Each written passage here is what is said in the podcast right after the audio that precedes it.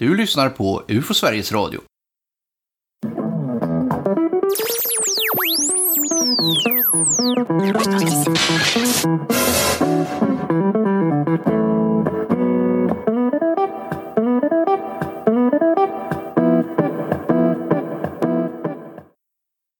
Jag heter Tobias Lindgren och hälsar er alla välkomna. Men framförallt så hälsar jag dig, Claes Svahn, välkommen. Precis hemkommen från en insamlingsresa till Storbritannien. Tack så mycket. Kan du berätta lite kort om det här konceptet och den här aktiviteten så att eh, oinvigna förstår vad det är vi kommer att börja prata om lite här? Ja, vi sitter ju på AFU, på Archives for the Unexplained och gör den här podden. Och eh, de här insamlingsresorna som man kan kalla dem för då, de går ut på att man ska rädda material från olika länder, i det här fallet Storbritannien. Eh, och sen så se till så att vi berikar våra egna samlingar med det. Så vi kan erbjuda forskare runt om i världen böcker, tidskrifter, UFO-rapporter och massa andra. Och det är ju det som jag har gjort sedan 25-30 år nu, att jag har rest till Storbritannien för att försöka då att eh, hämta material där som annars hade kanske hamnat på tippen. Hur uppkom den här idén då från första början och vilket ord är det som du använder? Är det hämta, samla eller rädda kanske? Ja, hämta låter ju väldigt enkelt. Det säger de flesta, till och med jag. Men det är ju inte hämta det handlar om. Det är ju... Om vi ska börja från början då. När uppstod idén, frågar du. Och då är det så här att den uppstod någon gång i mitten eller tidigt 90-tal. Och eh, vi träffade då Hillary Evans i London. Hillary är ju då eh, mannen bakom ett av våra stora bibliotek här på AFU. Och jag vet att när jag träffade honom första gången då i Blackheath i södra London. Då eh, var vi ju, både jag och min, mina kamrater som var där, helt slagna utav vilken enorm samling han hade. Det var böcker överallt, i alla våningar, i källare, på vinden, överallt på toaletter hade han böcker. Och papper och tidskrifter. Och den gången fick vi då med oss några lådor därifrån. Och jag minns att vi satt i bilen på vägen hem. Så ringde jag då till Håkan Blomqvist och Anders Liljegren på arkivet och berättade då jublande glad att vi hade massor med grejer med oss i bilen. Om vi jämför med idag så var det ju ingenting. Men då var det ett genombrott. Det var den första personen som skänkte någonting till oss egentligen som passade in i AFUs koncept. Det var fröet eller idén? Ja, det tror jag. Och samla in är väl det vi gör. Och rädda gör vi definitivt. Så är det. Det är inte bara att hämta utan det är som sagt det tar åratal ibland av samtal, mejl, brev och kontakter innan folk förstår att AFU är ett bra ställe att förvara sitt material när man en gång slutar med sina egna undersökningar. Så att risken inte finns att det bara slängs bort en dag som du själv då kanske avlider Den eller risken slutar. är överhängande. Vi har ju sett eh, en hel del sånt hända genom åren. Vi har kommit för sent. Och eh, det grämer mig fortfarande när vi har gjort det. Vi har till och med varit på soptippar och räddat saker ibland. Va? Någon specifik tingest som du vet har försvunnit? Ja, jag vet ju då att eh, en stor del av eh, Brinsley Port Trench, då, eller Lord Clancartys arkiv, försvann. Dels i en brand och dels eh, spreds det för vinden sen mycket av det. Och det var ett värdefullt material för 1950 och 60-talet. Det är helt borta. Sen så vet jag också att eh, Flying Saucer Review, flera av de tidiga eh, redaktörernas fruar, de slängde rubb och stubb när deras män gick bort. Så Charles Bowen till exempel, som hade säkert en väldigt fin samling. Allt det där åkte på tippen bara. Men vi har gjort eh, gott senare och räddat eh, saker i efterhand som faktiskt har funnits kvar också. Är det något speciellt som gör att det är just England och Storbritannien som eh, är upptagningsområdet just nu? Eller fortfarande ska jag säga efter 30 år. Ja, fortfarande är det nog bra att säga faktiskt. För att eh, man trodde det skulle vara slut nästan nu när vi har varit där så många gånger. Men det tar liksom inte slut. Och orsaken är att Storbritannien var på 50-talet ett föregångsland vad det gäller ufo-intresserade och eh, att bilda ufo-grupper. Och i Storbritannien hade man kontakt då med ufologer runt om i världen. Så väldigt mycket kom dit. Tidskrifter från hela världen skickades dit. Eh, Brev utväxlades mellan olika länder och hamnade i Storbritannien. Så att eh, man behöver kanske inte åka till Japan alltid för att hitta de japanska tidskrifterna. Utan de kommer ifrån just då England framförallt och kanske Londonområdet framförallt. Och de här ufologerna där börjar nu komma till vägs ände. Och de Vi blir ju alla äldre va och det är flera som har avlidit eh, bara de senaste åren. Och därför är det väldigt viktigt för oss att eh, vara ute i tid och prata med deras släktingar så att de inte kastar de här värdelösa pappren. Eller ger bort då böckerna som vi hörde nu på den här resan. att det var någon fru som tyckte att kyrkans loppis skulle ha då, eh, de här böckerna istället. Och sonen då, som vi träffade var över sig given över att så mycket hade försvunnit då, på den vägen. Men om man ska gå tillbaka till projektets kärna här. Det tar, det, jag tänker mig att det tar en bra stund att planera en sån här resa. Det gör det. Det tar ju månader att planera resan och jag har ju framför mig här som inte ni kan se då, men det är ett dokument då på fem A4-sidor ganska tätt skrivet med möten inplanerade då. Det är ju ett timsschema helt enkelt vi åker efter. Det står ju timme för timme vart vi ska vara någonstans. Men alla måste ju vara hemma när vi är där. Vi kan inte åka tillbaka 40 mil igen kanske nödvändigtvis. Det har vi inte tid till. Utan det måste ju funka så att när vi gör vår resplan då reser vi efter ett visst mönster så vi slipper åka väldigt många omvägar. Ja, det jag tänkte på, den här resan är planerad i, i minsta detalj antar jag. Eller hur väl fungerar det egentligen? Förvånansvärt bra faktiskt. Vi ändrade på en sak eh, längs vägens gång. Och den var lätt att ändra på. Men eh, annars är det ju så att folk har varit hemma eh, när vi har kommit dit. Utom i ett fall. Det har ju varit en pandemi nu. Har den satt något spår extra just nu för den här resan? Det har ju gjort det hela eh, lite svårare på många sätt. Det har ju gått fyra år sedan jag var över senast då i Storbritannien och räddade material. Och det har gjort att folk då har fått ställa undan saker åt oss i flera år. Men vi har lyckats få alla att faktiskt behålla sitt material. Men den förra gången vi var över, då var det någon som hade slängt en del för de tyckte det stod i vägen. Så det gäller ju att fortsätta skriva brev. Jag skriver julkort till 25 personer i England varje år till exempel. Jag mejlar dem kontinuerligt, jag ringer dem så ofta jag kan. Så det finns en vits med att göra den här resan oftare? Ja, det gör det. Det finns en vits och tyvärr, inom stora citattecken, så känner jag så mycket folk där nu så att många vill träffa oss bara för det är kul att ses igen. Va? Och vi har inte tid med att hinna träffa folk bara rent socialt. Då ska vi vara där i flera veckor till i så fall. Så jag får tacka nej till människor som vill träffa oss från arkivet. Därför att eh, vi måste träffa andra som ska skänka material. Är det inte bättre att då göra en special socialresa bara? Ja, det får nog bli så framöver. Va? Den skulle väl kunna gynna det här projektet i framtiden ändå, ännu mer? Det tror jag. Alltså, jag socialiserar med många andra vis då, genom telefonsamtal och sånt. Men vi har faktiskt tänkt på det att det kanske blir någon resa på en 10-12 dagar där man bara träffar folk för att prata och ha trevligt. Du har haft med dig en mängd olika medhjälpare genom åren. Anders Persson den här gången. Anders Persson är ju en eh, återkommare som var med mig när vi tömde Hillary Evans hus. Då jobbade vi i hans hus i fem dagar och fyllde i princip en hel 12 meters eh, lastbil. Och eh, så han är rutinerad, han har varit med vid ytterligare ett tillfälle dessutom. Annars har jag haft med mig Håkan Ekstrand och Karl-Anton Mattsson, är två av de som har varit flitigast återkommande. Och båda mina söner, Niklas och Marcus, har varit med.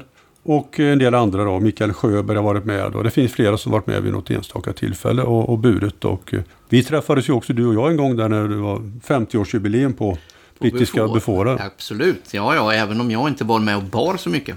För det är ju ingen semesterresa, det kan man väl inte påstå? Det är ju de som har trott det ibland. Va? Men jag har ju förklarat för dem att de ska bära några ton. Och det är ju det det handlar om. Vi bär väldigt mycket. Eh, trånga trappor och eh, vi packar. Vi går upp klockan sex på morgnarna lägger oss där vid halv ett, ett. Vi kör mellan 40 och 60 mil eh, varje dag i princip. Vi har inte tid med några egentligen eh, utflykter. Vi hade en faktiskt utflykt den här gången då till eh, en stencirkel som heter Rollright som jag gärna hade velat se. Och det var bara några kilometer ifrån en plats som vi ändå besökte en, en man på. Men det var alltså 20 dagar sedan ni rullade iväg på den här resan. Ni började den 11 augusti och då rullade ni söderut på morgonen tidigt här. Ja, och då hade det föregåtts av fem timmars arbete dagen innan man fyller i blanketter och papper för tullen och för skänker som sen ska sköta om själva transporten av allt material. Så att eh, jag hade tänkt att ha haft en ledig dag innan men det visade sig att den blev långt ifrån ledig med alla de här blanketterna. Men hur är det egentligen att transportera sig till eh, Storbritannien? Är det, är det krångligare än vad det var förr i tiden? Det är krångligare idag. De här blanketterna var inte så många förra gången jag var över. Det var mycket enklare. Vi kunde till och med få eh, skänker att åka till eh, Bob Rickards hus där vi brukar bo i London. Bob Rickard är ju grundare utav Fortean Times, en av de mest tongivande tidskrifterna när det gäller det okända i världen. Och då kunde Schenker komma dit med en lastbil och vi kunde lasta ombord, vi kunde lyfta ombord lådorna. Det går inte längre utan nu transporterar vi dem till Basildon där Schenker har sitt, eh, sin depå. Men alltså allting körs ju i min stackars bil då till London innan vi då kör dem vidare till, till Schenker. Ja, det var det jag tänkte. Transporten från Sverige till Storbritannien med båt och hela den biten. Alltså vi, förr i tiden så åkte vi ju från eh, Göteborg.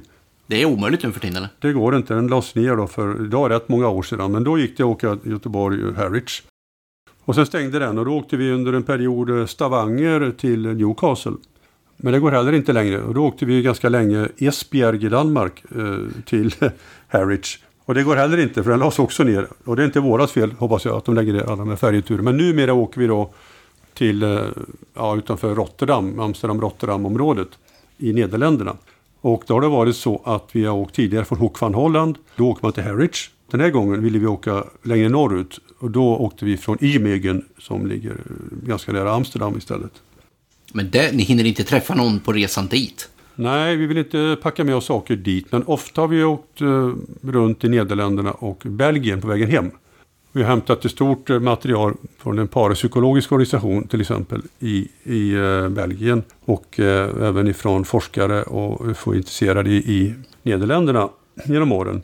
Och det är så litet område där så man kommer ju till flera länder bara på 20-30 mil. Nu hann vi inte det i år därför att färgerna visade sig då vara fullbokade fullständigt. Så vi får inte ta oss hem överhuvudtaget. Så att jag fick ta en färja från Newcastle till slut tillbaka också, vilket inte var den närmaste färjan. Utan då blir det en 50 mils resa upp till den också. Men om man ska ha med sig bilen till England så är det det här alternativen som finns? Ja, så är det. Det är, det är att åka till tunneln i så fall. Då, man kan åka bil genom tunneln? Ja, du åker på en tåg då. Ja, ja, ja, men den, du får ändå med dig bilen. Ja, det får du, men det är ännu längre söderut. Och det vill jag helst undvika. Och det är ganska dyrt också. Och det är klart, det är, ja. färjan är inte heller billig. Va? Men Nej. alla de här pengarna som resan kostar, det har ju vi samlat in då. Genom Facebook och genom att sälja böcker och annat. Då. Så det är ingenting som drabbar AFU direkt, utan det är medel som vi ordnar på annat sätt. Just den här natten när ni skulle ut och åka så var det ju Persiderna. Så det var väldigt mycket folk ute och tittade. Och du var väl också ute där när du hade god sikt på Nordsjön? Jo, jag gick ut och tittade. Det var ju fullmåne och allt, så fullmåne såg jag jättefint. Och eh, som du själv påpekade vet jag i något Facebook-inlägg där att de här färgerna är ju ganska väl upplysta. Men det går att ställa sig på ett ställe så man kan få lite mörker faktiskt. Jag såg bara en enda persid tyvärr. Och det kan bero på att det var lite dis i luften. Jag var ute vid 23.30 tiden, kanske lite tidigt dessutom.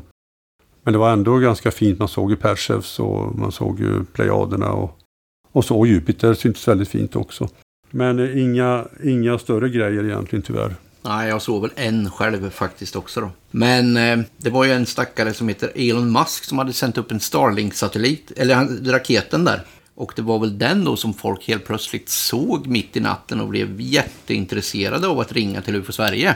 Sen då dagen efter så var det ju även själva satelliterna som de hörde av sig om. Det var ju perfekt timing. Ja, det var det. Jag läste ju om det där på, på distans då under vår resa och jag såg att det hade haglat in med rapporter på olika sätt. Folk lär sig liksom aldrig detta och förra året då, 2021, så var ju Starlink-satelliterna de mest misstolkade fenomenen i Europa. Eh, så att det kommer att fortsätta vara så. Du såg varken raketen eller satelliterna själv? Nej, det gjorde jag inte. Om det var för tidigt jag var ute eller stod på fel sida av färjan, det vet jag inte. Men jag såg inget av det. Nej, jag missade dem också faktiskt den gången. Men ni anländer Newcastle och eh, var ligger det? För den som inte har riktigt kartbilden framför sig. Ja, Newcastle ligger ju i nord, nordöstra England då. Inte så långt ifrån Skottland. Och alla som följer fotboll vet ju att Alexander Isak har skrivit på ett kontrakt för Newcastle. Och kanske ni tittar på kartan så ni vet vad det är. Eh, det är ju en hamnstad och eh, jag har varit ganska mycket i Newcastle genom åren men nästan aldrig inne i själva Newcastle, bara åkt igenom, åkt färja och så vidare. Men dit anlände vi och sen så åkte vi därifrån efter att ha suttit i kö till tullen och passkontrollen ganska länge. Så åkte vi norröver för att ta oss då till, till Skottland. Ja just det, genom dimman. Ja det var ju makalöst alltså för att men har du läst Kalanka så vet ju Joakim von Ankas eh, slott ligger ju i Skottland och det här Fädernes slottet och det är alltid dimma där uppe och Skottland är ju dimmigt och det regnar och sånt. Men det var nästan, det var nästan löjligt alltså, när vi körde över gränsen. Det gick en dimridå precis, jag tror det var 50 meter, 100 meter från gränsen så började dimman in i Skottland.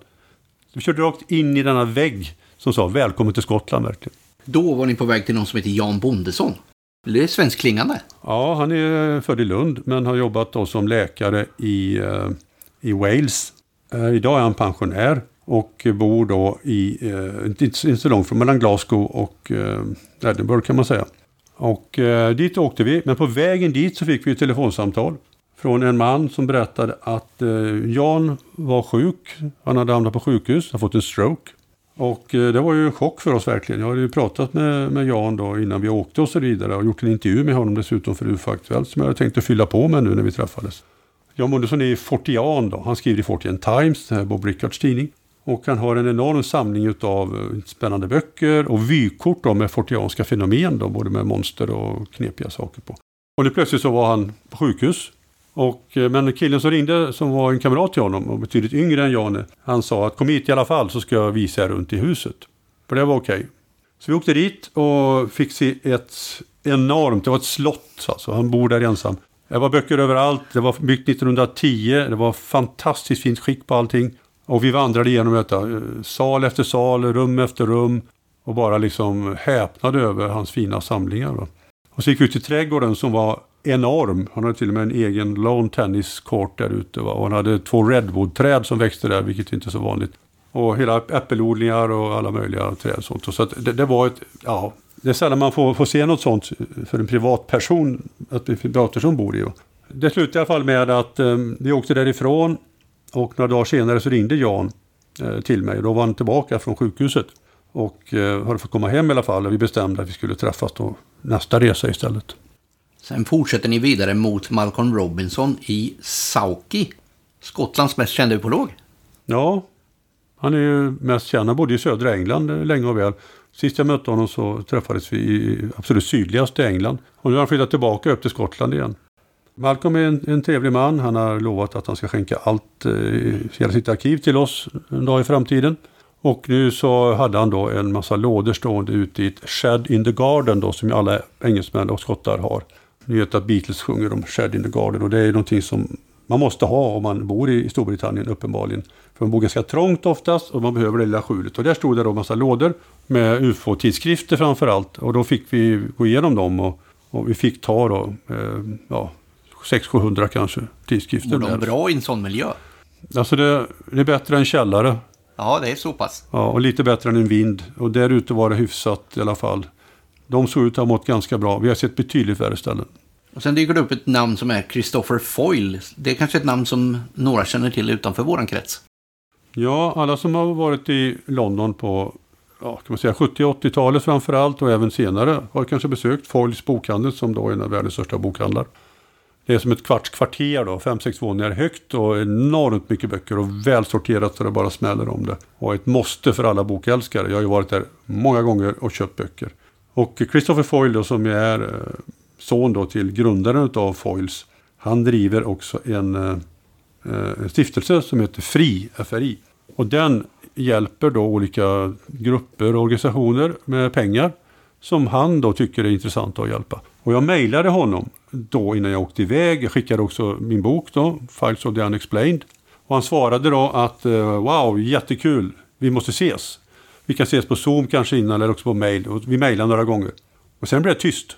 Och när vi kom dit så försökte jag få tag på honom. Då svarade hans fru att han hade avlidit den 10 augusti. Så det var ju en chock eh, på många nivåer givetvis då. Och eh, jag vet inte hur vi ska lösa detta nu för att eh, Christopher Foll Foyle var så väldigt intresserad av att hjälpa arkivet med pengar. Och hans stiftelse, jag känner ingen annan där. Så vi får se om jag kan hitta någon inkörsport till stiftelsen och förklara att jo men Christopher han ville verkligen. Men man vet alltså inte om han hade berättat det för de här andra? Nej, jag vet inte det. Och jag mejlade med hans fru idag för några timmar sedan senast. Och jag har inte fått något klart svar på vad hon känner till om den där stiftelsen heller. Så att, det ligger lite jobb där alltså? Det ligger lite jobb. Men det var ju väldigt tråkigt att det, att det blev så. Så resan började med en, en hjärnblödning och en som avled då. Så går vi vidare. M som i Manchester, Mansfield och Morton in March. Och vilka besökte ni där? Alltså Manchester känner de flesta till, det är ju en stor stad. Men Mansfield och Morton in March, det är inte sådana där som du prickar in på kartan lättvindigt kanske. Men det är i alla fall söderut från Skottland. Ja, det är söderut från Skottland. Vi åkte till Manchester först egentligen. Eh, för att träffa då eh, en kille som heter Nick Creighton. Och ja, du vet, Creighton säger det kanske någonting. Sonson till Gordon kanske? Ja, men exakt. Han eh, tog ju över då en del utav, eh, eh utav sin pappa, alltså Philip Creighton. Det är, det är ju tre led här. Jag, jag, känner, jag känner allihop, jag har följt dem i tre generationer. Gordon träffade jag eh, i slutet på 90-talet och 2000 också. Och Philip träffade jag många gånger under 90-talet. Och Philip drev ju vidare tidskriftens Flying Saucer Review eh, under en period efter att Gordon Creighton gick bort. Nick Creighton då hade vi hoppats på att träffa då i Manchester. Han har nämligen tagit hand om alla sin pappas böcker. Som var då sin farfars böcker. Men eh, Nick är en lite knepig person som inte är så lätt alltid att få kläm på. Så när vi kom dit så var han inte där. Och grannarna sa att nej, nej, nej, han bor i Leeds nu för tiden. Så han, eh, han är inte här så ofta.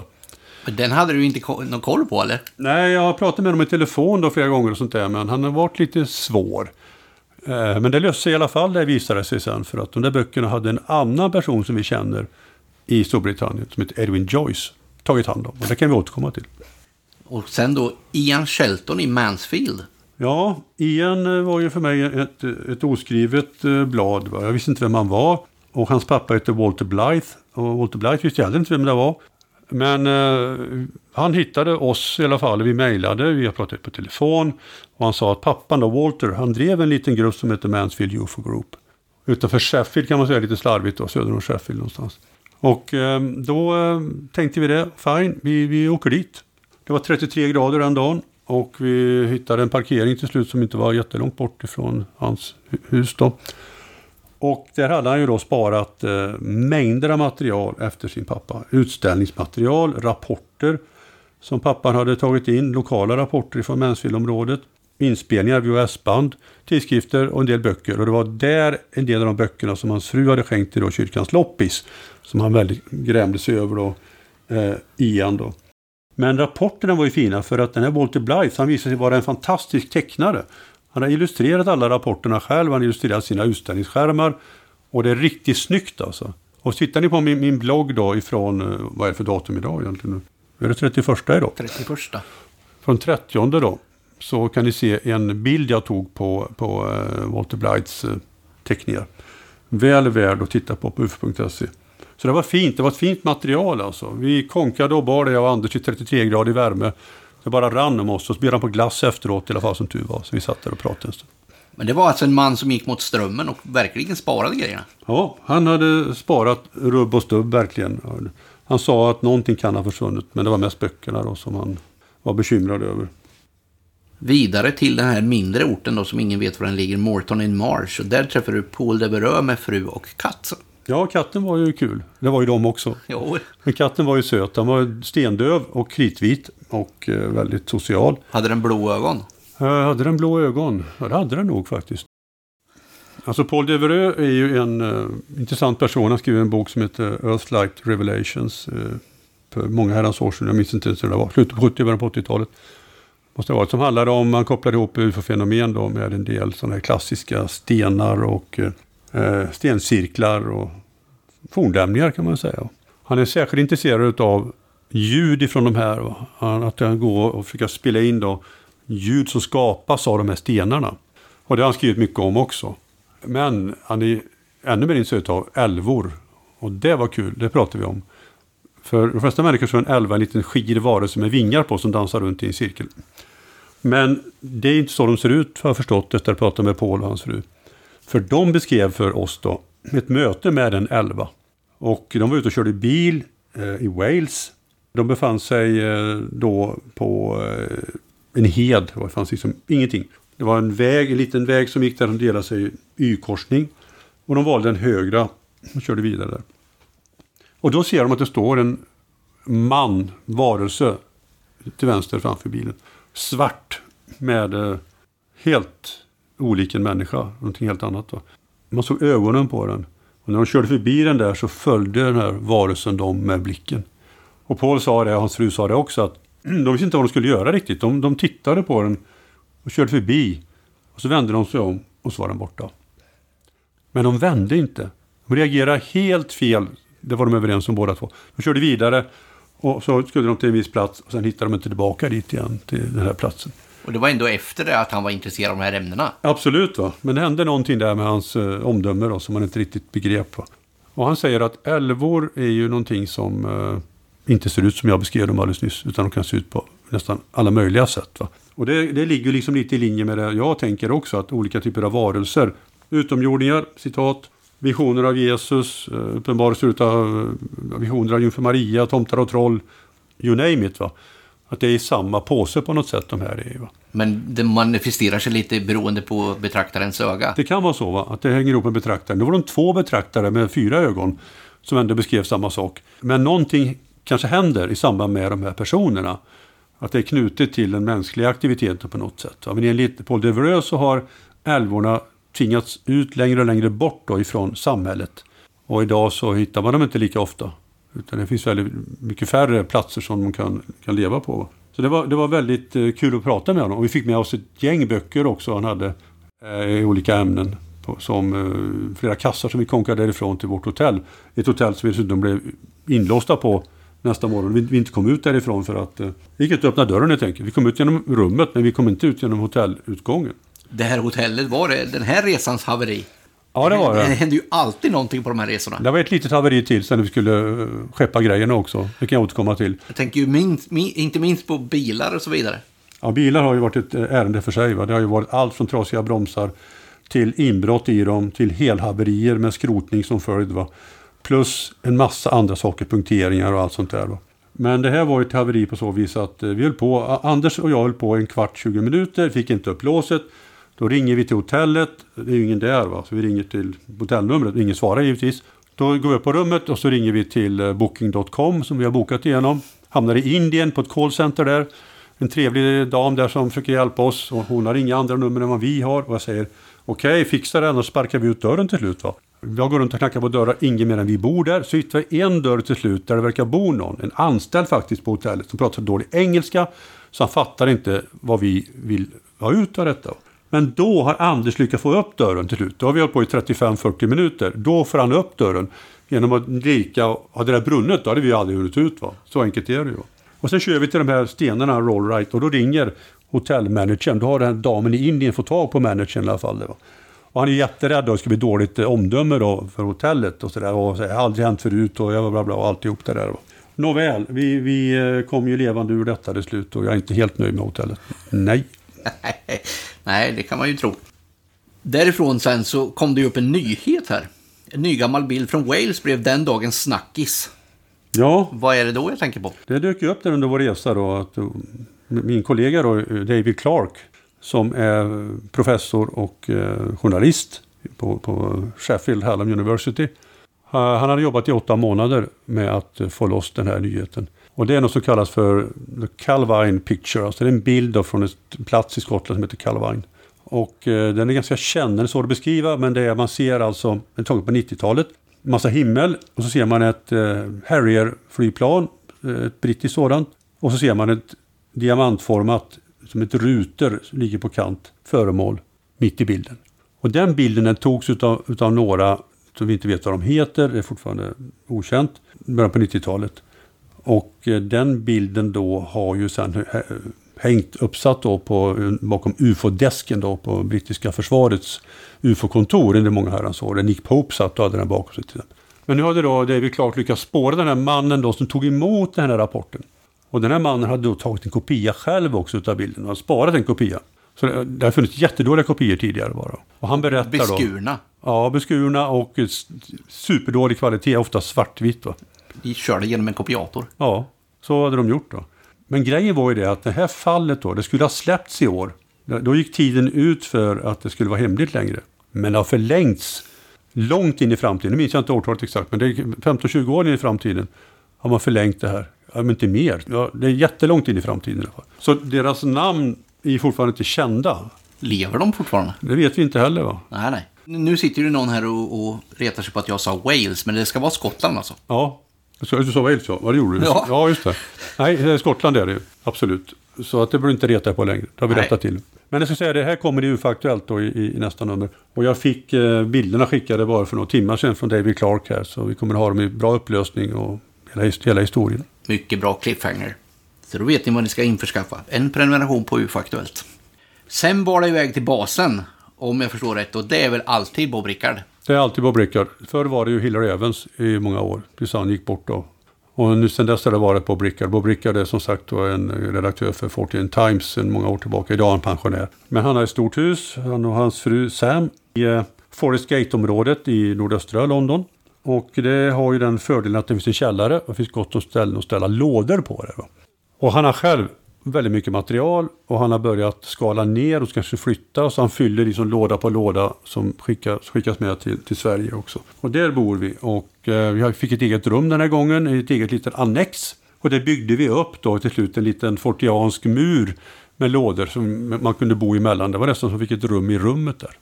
Men ni kunde pusta ut lite nu alltså? Ja, i tio minuter eller så så hade vi det ganska lugnt. Och sen gällde det att börja jobba i Bobs källare, att packa böcker, att skriva på alla böcker, all, alla lådor, att tejpa dem och förpacka dem så att det kunde lastas sen i slutändan utav resan. Då. Men då är det från plastpåsar till kartonger? Och för plastpåsar är ju essentiella i de här. Va? Man måste ha plastpåsar. För kommer du till någon, vilket jag gjorde till exempel då, eh, till en dansk ufolog, Wille Wegner för några år sedan. Han har 12 flyttlådor som står ute på garageuppfarten. Och jag kommer med min bil va? och säger det här får du aldrig in i bilen. Jo då, säger jag, det går bra. Vi tömmer alla lådorna, packar om allting i plastpåsar och stuvar plastpåsarna överallt i bilen. Och då plötsligt så har det gått. Och så funkar det. Plastpåsar är dyrt idag. Så vi använde i två timmar och löste upp alla knutarna som vi hade gjort under resans gång för att spara plastpåsar det längre fram. Så vi har flera hundra plastpåsar ligger i London för nästa resa. Det är bra. Ja. Men handlar det här lika mycket om AFU som din roll som internationell samordnare inom UFO Sverige? Det går hand i hand kan jag säga det här. Det gör det verkligen. Det är, 50-50. Jag har ju lärt känna många på, på, olika vägar genom åren. Och från början så var det kanske inte bara AFU utan det var det genom UFO Sverige och att jag jobbade mycket med utlandet. Och sen med tiden så har det ju blivit mer och mer arkivet som det kommer att handla om. För det är ändå det som är i slutändan. Vi vill hämta grejer, vi vill rädda UFO-material och inte bara UFO-material utan parapsykologiskt material, det kan vara om spöken, det kan vara om, om sjömonster och allt sånt där också. Vi vill ha allt inom det okända.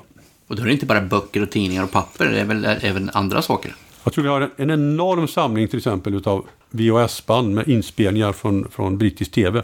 Vi har nästan, tror jag, fan med varenda program som har sänts snart i brittisk tv på VHS. För folk har ju bandat och bandat och bandat.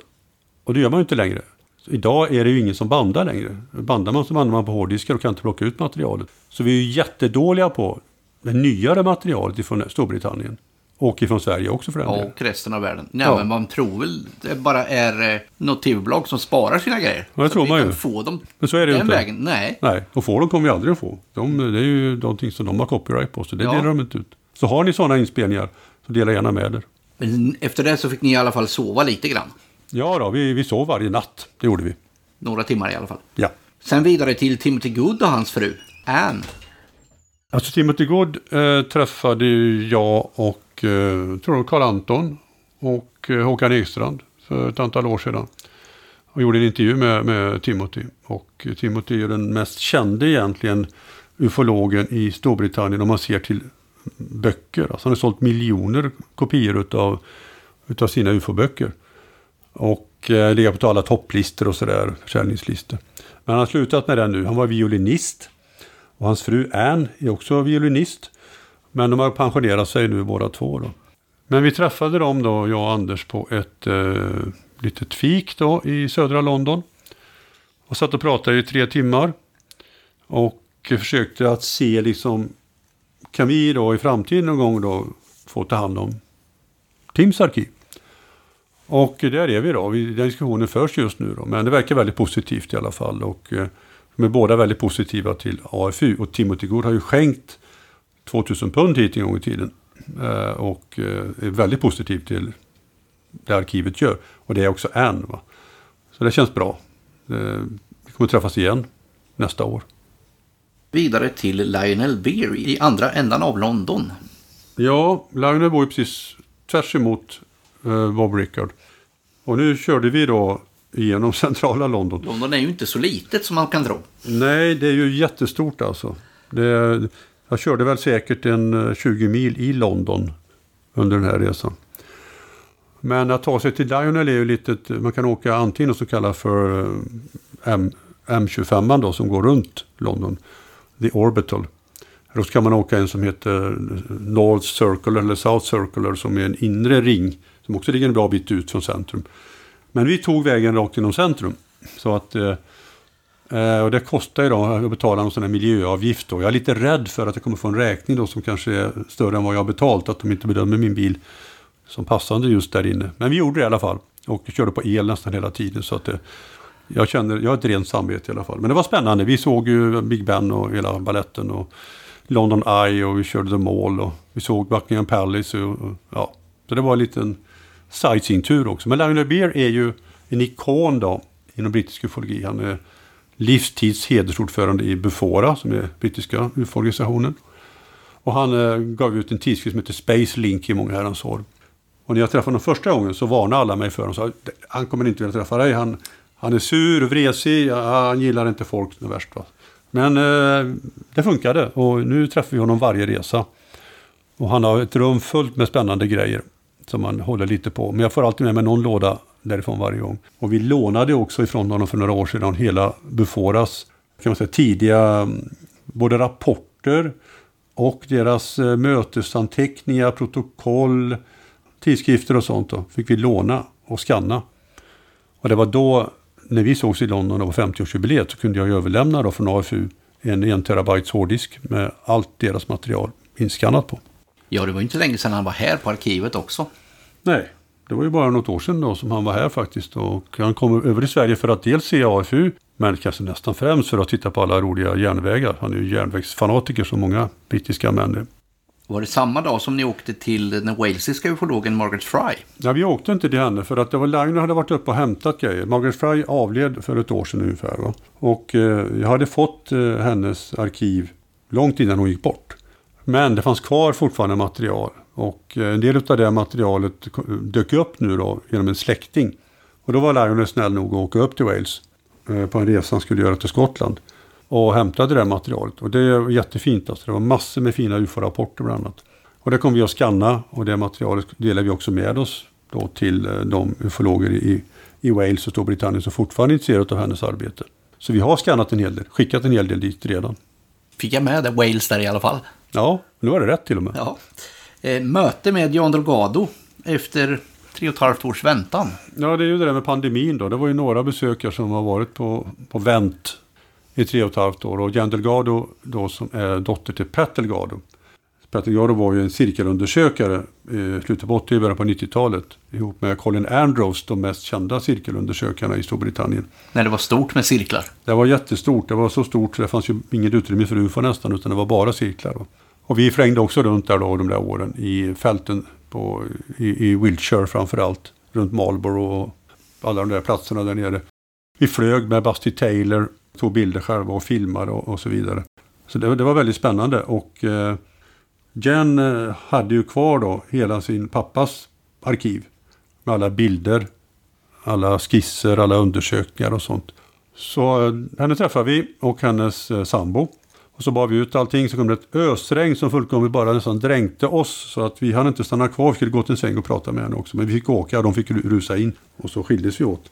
Men vi ska ses nästa vända har vi kommit överens om. Och det är ett fint arkiv verkligen. Alltså det, vi har ju Basti Taylors bilder också i stor utsträckning här på, på AFU. Som vi har skannat en del av. Basti har kvar en del bilder fortfarande som vi ska försöka lösa framöver. Sen kom ni vidare till Michael Oliver. Hans pappas ufo-material Norman. Ja, Norman Oliver var ju en av de tidigaste brittiska ufologerna. Han eh, var kanske den bästa redaktören som Beforas tidskrift då har haft. Eh, och eh, vi träffade ju Norman för 6-7 år sedan. Karl Anton var med, sitter där borta i hörnet och minns säkert punkteringen som vi fick den gången. Det glömmer vi inte så lätt. Dessa bilar. Dessa bilar och vi tog oss dit i alla fall och tittade på hans grejer. Han visade sina böcker och så hade han stora lådor stående ute i köket som vi inte fick titta på alls. Men eh, han var vänlig nog att säga att eh, den dagen som jag går bort då har jag skrivit AFU på de här lådorna. Och det gjorde han. Så när han gick bort i våras så eh, kontaktade hans son då, Michael, oss. Och vi pratade på telefon och vi mejlade och han sa att allting är räddat och allting står i ett förråd just nu. Så vi åkte då genom Blackwall Tunnel för andra gången på två dagar. Förbi ett jättestort vägarbete som vi satt fast länge och väl. Och sen kom vi fram då på klockslaget vi hade bestämt. Vi räknar med sånt här på vägen. Och träffade eh, Michael där. Och då hade han redan burit ut alltihop från förrådet och så kunde vi lasta in det i bilen. Och vill ni se bilder på detta finns det på min blogg på ufo.se. Där ser ni alla de här människorna och alla lådorna också. Och det var jättefint, ett underbart material. Du behövde inte flytta över dem i plastpåsar? Nej, det behövde vi inte för att eh, det gick eh, plats i bilen ändå. Så packade vi om allting När vi kom tillbaka till Bob Rickards istället då. Och jag hade konkat in allting där. Och det fanns ju massor med rapporter från Bufora som inte vi har. Så nu kommer vi att skanna dem också på sikt och skicka till Bufora. Så att de kan infoga dem i sitt eh, redan från AFU skannade rapportarkiv. Sen kommer vi vidare till Edwin Joyce i Rickmansworth. Ja, det var samma dag då faktiskt. Vi, vi mellanlandade hos Bob och fixade det här. Ringde till Edwin.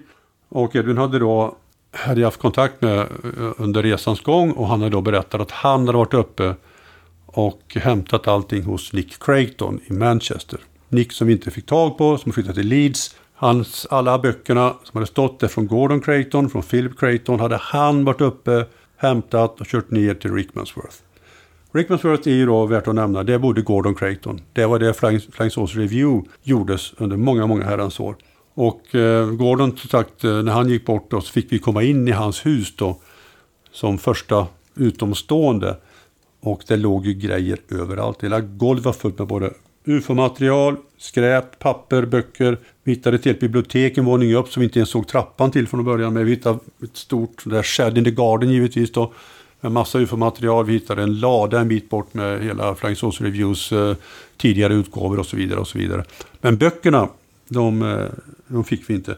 Däremot har vi fått allt det andra sen tidigare och det är nu ordnat där på AFU i syrafria lådor, eh, Gordon Craigtons och Flying Saucer Reviews material. Fantastiskt väl ordnat och jättearbete från AFUs personal här.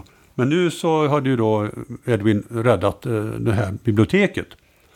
Och Edwin är ju en eh, ambassadör för utomjordingarna. Han står i kontakt med dem, han är ute och spanar efter dem. Och han tyckte det var jättekul att jag är så skeptisk och sådär. Han kramade om mig och sa Claes Svahn, you're a skeptic, I love you liksom och sådär. Och, och så sa han, ni kan ta vilka böcker ni vill som inte är på engelska. Så. Så vi fick ihop 160 böcker då i biblioteket som var på andra språk än engelska. Och eh, de skänkte han till oss. Han har alltså bättre kontakt med eh, Nick Creighton. Han har lite lättare att åka dit tror jag också det var. Va? Hade jag bott där hade jag nog gjort den här manövern också. Men han hade bra kontakt med Nick och det, det känns positivt. Sen hamnar ni i Devon. Ja, det är ju längst västerut då. Eh, från att ha varit uppe i Newcastle som är längst nordost och är vi nu nästan nere längst i sydväst då. Det lilla skägget där på, på England. Va?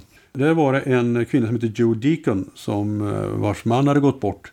Och vi visste inte riktigt vad han lämnade efter sig. Det var en, en kille i Truro i Devon som tipsade mig om detta. Jag var i Truro för några år sedan och höll föredrag. Och det smittade lite av sig att vi höll på med detta.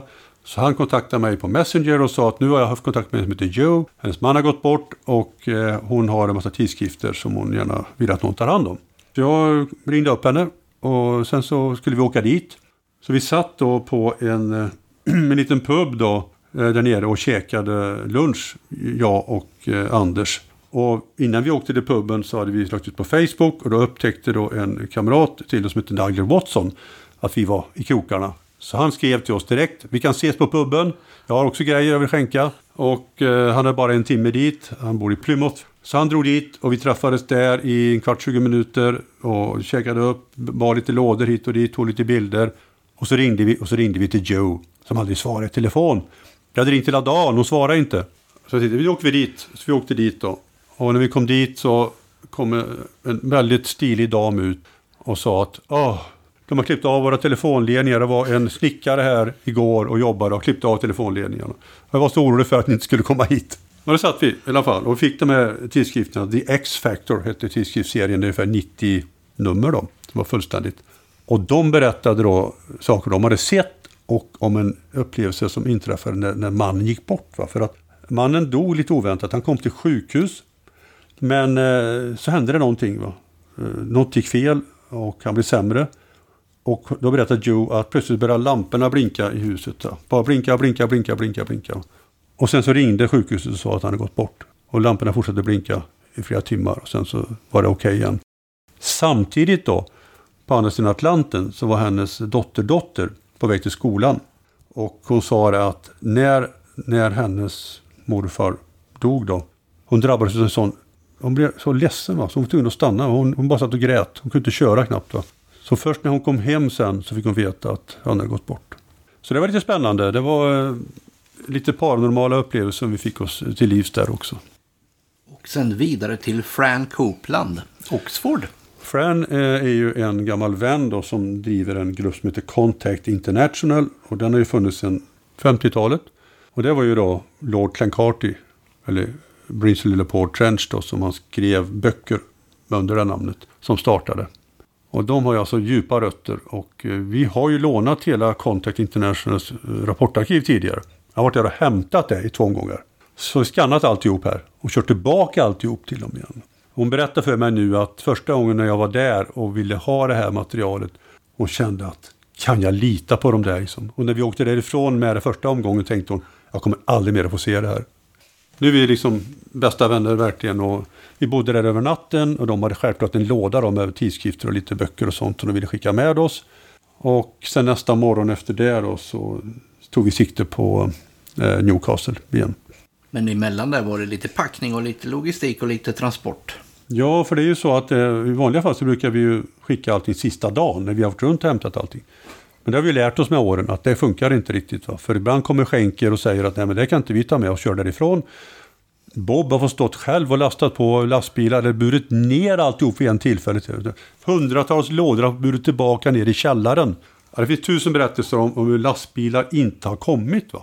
Men i det här fallet då så hade en, en kille som heter Nicholas Martin som har varit här på AFU hälsat på oss. Han hade erbjudit sig då, när han träffade Anders Liljegren här, att jag kan hjälpa till med saker om ni behöver hjälp. Och det, säger man det så då hugger jag. Ja. Så jag sydde upp honom och han lovade då att fixa en transport från Bob Rickards hus i London till Basildon där Schenker har sin depå. Va? Okej, fint. Vi satt och väntade där på förmiddagen. Och han ringde och sa att jag är på väg, jättebra. Vi hade gjort plats för bilen på gatan och så där, ställt upp soptunnor för att ingen skulle parkera där. Och så kommer den här bilen då. Och den är ju liksom, den är som min bil fast lite större än min bil. Okej, Okej, och så öppnar de bakluckorna, eller de här dörrarna. Och då var det fullt med verktyg. Va? Och det var till och med en hel ramp med fastsatt hylla. Den rymde liksom ingenting den här bilen. Vi hade ju 233 lådor. Han hade ingen aning om det där innan alltså. Han hade fått bilder, han hade fått mått på allting, han visste hur många lådor det var. Men det hjälpte inte. Och jag sa till dem att, och han och en kompis då, kompisen var lastbilschaufför. Va? Han sa att det funkar inte, stick iväg, fixa något annat. Så de pep iväg. Och sen så efter en timme, drygt en och en halv timme var de säkert, kom de tillbaka. De hyrt en stor, jättestor lastbil då som var så Vi bar då i en timme och 20 minuter. Vi fick in allting till sista läm i princip då. Och så hade vi då, vi, hade, vi måste ju ha sådana här pallar, måste ha pallar för att packa på. Du måste ha plast och dra runt alltihop som heter shrink wrap. Det är ett krav då. Och sen ska alla lådor vara märkta och ordentligt. Sådär. och vi hade ju inte riktigt pallar så det räckte. Men så hade ju då Bob Rickards fru två pallar hon skulle bygga trädgårdsmöbler med. Va? Så vi fick ha lite förhandling med henne där genom Bob. Då att, eh, ja, ja, motvilligt då, men ändå mycket vänligt då. Så släppte hon ifrån sig den där pallarna så vi tog ut dem. Då. Vi behövde fyra eller fem pallar, det visste vi på ett ungefär. Och sen pep vi iväg. Anders fick vara kvar. Vi fick bara plats tre stycken i bilen. Då kom vi ut till Basildon. Och eh, blev insläppta. Det är ju vakter och grejer. Var det är en lastbilsdepå. Va? Och så går jag in och knackar på det på ett kontor och säger du har ingen gul väst på dig. Nej, jag vet. Man ska ha gul väst här liksom. Jag är bara en privatperson sa jag. Ja, men det är inte, det är inte för privatpersoner liksom. Men ja, ja, till slut så, så ringde han till någon. Ja, kör runt si och så runt huset där och så på andra sidan. Så, ”Ska du prata med Barry. Ja, och så åkte jag dit och så pratade jag med Barry. Barry sa, du har ingen gul väst på dig, sa han först. Han sa, ja, jag vet, jag vet, sa jag. Men jag har aldrig sett någon här utan gul väst. ja, ja, okej. Okay. Men Barry visade sig vara intresserad av UFO. Han fick min bok eh, of the Unexplained. Jätteglad över det. Så han skänkte oss fyra pallar på stående fot, vilket ju skänker inte står för i vanliga fall. Men det kom de med, så vi åkte bort runt ett ännu ett hörn och där skulle vi då packa ur bilen, lasta på de här pallarna, kom det en kille och sa du har ingen gul väst på dig, vad gör du här? Liksom, ah, okay, jag, jag, jag, vet. Jag har hört den förut. Ja, jag vet precis. Va. Men vi fick vara kvar i alla fall, vi fick jobba där. Vi sa, ja Barry har lovat oss det här. Ja, ah, okej, okay. då var det fine då till slut. Va. Och det höll vi på då. Så lastade vi på och så drog vi med plasten om och satte vi på adressetiketter och transportetiketter. Åkte tillbaka till Barry, skrev på de sista pappren och sen så var det tack och hej och så åkte vi tillbaka till Bob. Och nu kommer de. Imorgon, som idag då, imorgon. Spännande. Men sen var det direkt till båten. Ja, men det missade vi en på vägen då, för att eh, när jag skrev att vi var på väg till båten så, och precis hade satt oss på båten, då skrev en kamrat i norra England, ah, jag visste inte att ni var här, jag har en massa böcker här, ja, vi får ta det nästa gång. ja. Men sen var det båten. Men då var det raka vägen hem till Sverige, via Europa någonstans. Ja, då åkte vi tillbaka egentligen till Imöjden då. Och så fick man byta sida igen och köra på höger sida. Det är lite ovant att komma tillbaka till fastlandseuropa igen efter att ha kört på vänster sida. Då. Och sen kör vi direkt då ifrån Eh, i mögden till Malmö. Vi bodde inte någonstans där. Och Malmö stannade vi därför att där har min fru och en bror och hans familj. Så där bodde vi på en övernatt. Och nästa morgon så tog Anders Persson tåget upp till Göteborg och jag åkte till Lund för att hämta en samling när jag ändå var i krokarna. Så från Ängelholms metafysiska förening som Hans Arenstrup eh, drev en gång i tiden. Och det står en kartong här alldeles intill oss just nu. Det är fantastiskt material från 60 och 70-talet framförallt. Och sen var det inte långt kvar hem? Nej, sen var det bara 60 mil ungefär hem. 2023 blir det väl en ny resa? Ja, det blir det. Uh, vi har sytt upp, sytt upp några. Vi ska träffa Jenny Randalls uh, nästa gång. Vi ska träffa Timothy Good igen. och vi ska träffa den här killen då, Jason Gleaves då, i norra England som vi missade. Plus vi ska träffa Janet och Colin Board som är författare och uh, kända fortianer då, som har skrivit mycket böcker om ja, ska man säga, forntida mystik, lite om odjur, kryptozoologi, heliga källor, allt som är lite sådär udda. De vill eh, skänka oss sitt bildarkiv. Nu sitter det ju säkert någon här och undrar när ni har tömt Storbritannien på UFO-material. Ja, det tror vi varje gång att vi har gjort egentligen. Men det dyker alltid upp nya grejer alltså. Så det finns väl någon botten någonstans, men den är inte nådd än och inte nådd nästa år. Det finns inte i sikte i alla fall. Nej, det gör det inte. Men jag har ju en del mål i Europa. Jag skulle vilja åka till Tyskland eh, och hämta en del grejer som jag känner till. Och jag måste tillbaka till både Belgien och Nederländerna också och hämta grejer. Men Europa där nere finns inga sådana planer på att göra samma långa, stora projekt. Nej. Utan det finns det blir... inte samma material kanske, inte samma ufo-historia som, som i Storbritannien. Nej, men så är det ju. Det, det, det är inte samma ufo-historia som i Storbritannien, det har du helt rätt i. Men det finns ju ändå mycket i Tyskland, det vet vi ju. Vi har ett på gång där nere som är ett stort material som jag hoppas kunna åka ner och hämta. Vi kommer väl till vägs ände här också snart här. Är det något som vi har missat, något du vill ta upp, något som var lite över det extra i årets tripp? Nej, men det gick ju väldigt bra trots allt. Det var bara två små problem då, eller tre då. En som avled, en som fick hjärnblödning och så bilen som inte var rätt storlek på. Det var ju minor problems egentligen. Och det lilla hotellet? Ja, hotellet. Ja, fyra var det väl då. Fyra problem. Men det är ju ganska normalt utfall på en sån här resa. Ja, det var en bra resa. Vi hade kul, sov lite, jobbade hårt och Anders Persson håller på snart i alla fall och ska börja klippa ihop en liten film. Som ni säkert kommer att kunna se på någon sajt nära er framöver. Så är det. Och du berättar om en bok. Har du med dig den boken hela tiden? Files of the Unexplained. Ja, när jag reser så här har jag alltid med mig Files of the Unexplained. För att den är på engelska och därför att den handlar om hur arkivet fungerar och vilka vi är. Så därför... Jag tänkte på den här Barry här. Hur kunde du bära med dig den där? Det fanns väl inte... Jag visste att det kunde vara bra att ha. Ja, ja, ja. Ja, ja. ja. För ja. åkte ju ändå inte din egen bil där.